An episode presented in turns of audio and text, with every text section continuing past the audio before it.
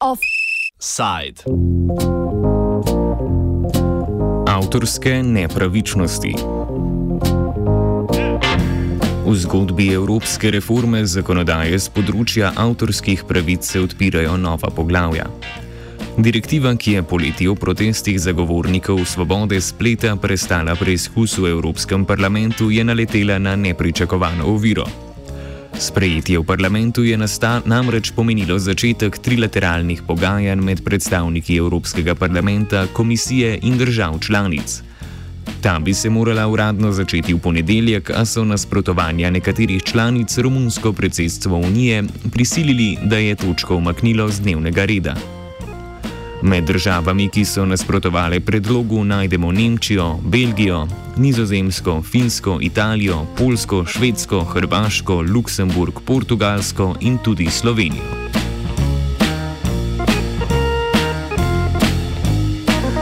V omenjeni direktivi sta sporna predvsem dva člena: 11. in 13. V 11. členu je opredeljen tako imenovan davek na povezave, ki naj bi nalagal avtorjem spletnih vsebin, da vsak manjši del, ki ga prekopirajo iz drugih verov, ustrezno označijo in zanj po potrebi plačajo. 13. člen platformam za posredovanje vsebin na spletu nalaga, da morajo uvesti sisteme za nadzorovanje in zaščito avtorskih pravic na svojih straneh. Glavna problema omenjenih členov sta ta, da ni povsem jasno, v kolikšnem obsegu bi se morala izvajati, ter da ne upoštevata pravice do uporabe zaščitenih avtorskih vsebin za satirično oziroma analitično uporabo. Doktorica Maja Bogata Jančič z Inštituta za intelektualno lastnino pojasni.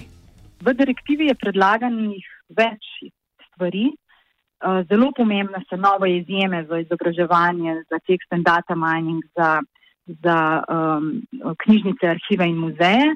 Najbolj pa odmevata v javnosti pa dve novosti in to je 11. člen, ki ureja novo sorodno pravico za izdajatelje um, medijev in 13. člen, ki uh, regulira tako imenovane upload filtre. Zdaj, uh, 11. člen, ki prenaša novo sorodno pravico za izdajatelje tiskanih medijev oziroma uh, Uh, govorimo tudi o tako imenovanem Googlovem davku oziroma davku na linke. Uh, racijo, zakaj naj bi se ta no, novota uvedla, je v tem, da naj bi uh, iskalniki, spletni iskalniki, se zažirali v dohodke uh, izdajateljev me, uh, spletnih medijev in zlasti tiskovnih agencij.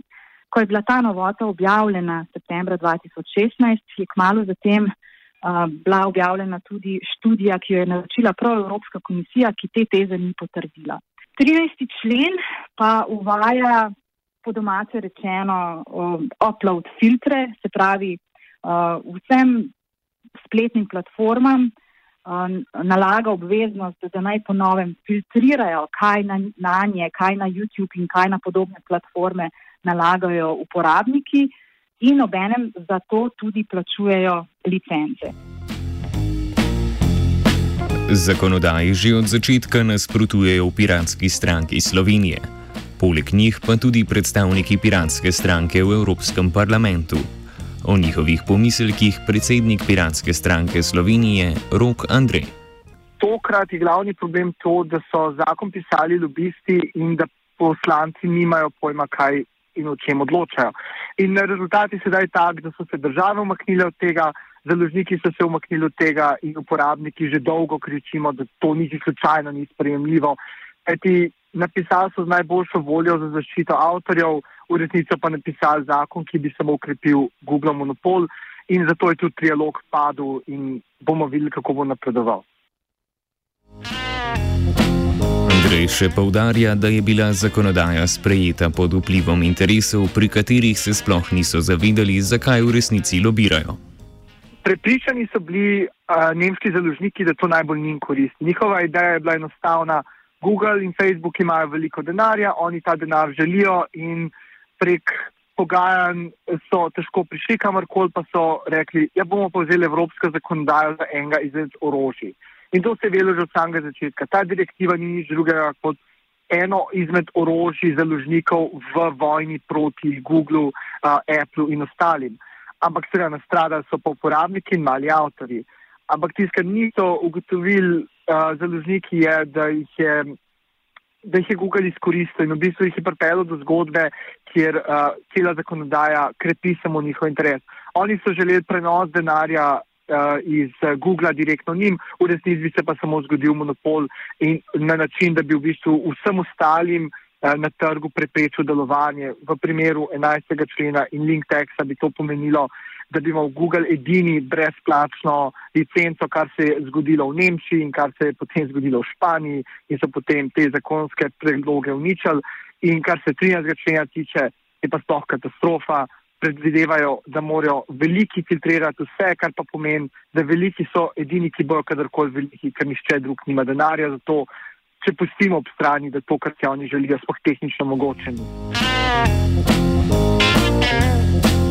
Nasprotno menijo v slovenski avtorski in založniški organizaciji za pravice reproduciranja, pri kateri direktivo pozdravljajo. Njihov pogled na zakonodajo predstavlja direktor Luka Novak. Je področje vsekakor treba urediti, ker je pokazal tudi pozitiven izid glasovanja v Evropskem parlamentu v septembru, ker uh, zadeva se ni urejala na evropski ravni že od leta 2001, ko je sprejeta tako imenovana Infosod direktiva. In uh, medtem se je pač seveda zgodil velik sprememb uh, v smislu uporabe varovanih del na spletu. Uh, digitalizacija je pač prevzela glavno vlogo v tej uporabi in eh, enostavno je bilo treba zadeve prilagoditi eh, globalnemu digitalnemu svetu, ki uporablja vedno več eh, avtorsko varovanih del. In zato je ta direktiva dobrodošla. Tak tekst, kot je bil sprejet takrat v septembru, je zelo dober usnutek oziroma začetna, začetna pozicija ki pa ne bi se izkristalizirala skozi trilog med tremi evropskimi inštitucijami. Zdaj pa eh, v tem, teh treh mesecih od septembra do zdaj se je marsikaj dogajalo, ampak v glavnem pozicije so ostajale iste. Eh, države v glavnem niso spreminjale bistveno členov direktiv, eh, vse je pa zdaj v tej, bom rekel, zaključni fazi, v zadnjem trilogu, ne, ko ne bi se pač dobili zadnjič, da bi sprejeli neko končno verzijo, ki bi se potem izglasovala na plenarni seji. Eh, mislim, da zapletlo okrog eh, nekaterih eh, interpretacij manjših stvari, ki načeloma ne vplivajo na sam celoten, bom rekel, celotno vizijo te direktive. Po njegovem mnenju govorimo predvsem o spremembah v razmerju med velikimi platformami in avtori, ki ne bodo vplivali na povprečnega uporabnika. Na povprečnega uporabnika interneta to sploh ne bo vplivalo, niti, niti ne bo nišče tega opazil, ker tle sploh ne gre za to, da bi bil kdo dolžan kaj plačevati ali karkoli. Internet bo ravno še naprej prost in brezplačen in necenzuriran. Tle gre za to, da bodo pač morali plačevati avtorske pravice tisti, ki uh, generirajo te, oziroma ki, ki, ki upravljajo uh, uporabniško generirane vsebine, ki upravljajo te platforme, na katere ljudje nalagajo avtorsko varovana dela. To dejansko na samega uporabnika interneta to ne bo imelo popolnoma nobenega vpliva. Bo pa seveda vplivalo na Google, ki bo moral plačevati novinarjem, ki so lastniki avtorskih pravic za svoje članke, novinarskim hišam, ki so solastniki teh, teh pravic in pa YouTubu, po Googlu, ki objavlja dela, ki jih sicer dajo gor uporabniki, ampak ki so ravno avtorsko varovane, so glasbena, filmska. Za te zadeve bodo morali te velike platforme, se pravi internetni giganti, plačevati avtorske pravice. Za samega uporabnika, ne slovenskega, ne kjerkoli na svetu, pa ne bo nobene spremembe.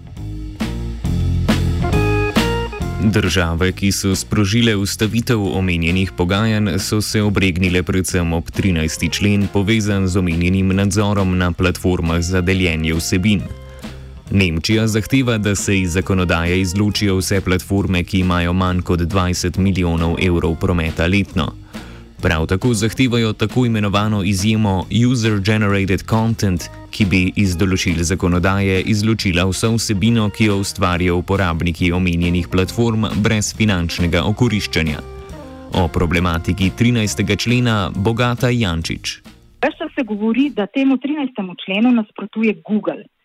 Vendar dejansko z analizo se najverjetneje ugotovi, da Google že ima tehnologijo, katera omogoča identificirati in na nek način tudi odstranjevati to vsebino. Uh, vendar in z ureditvijo, ki se zdaj napoveduje, bi dejansko Google bil eden izmed igralcev na trgu, kjer, ki bi že lahko to tehnologijo imel.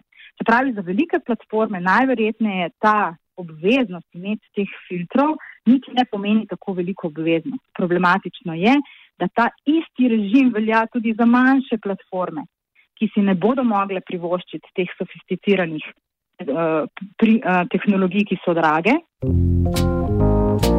O posledicah celotne direktive pa še pravi.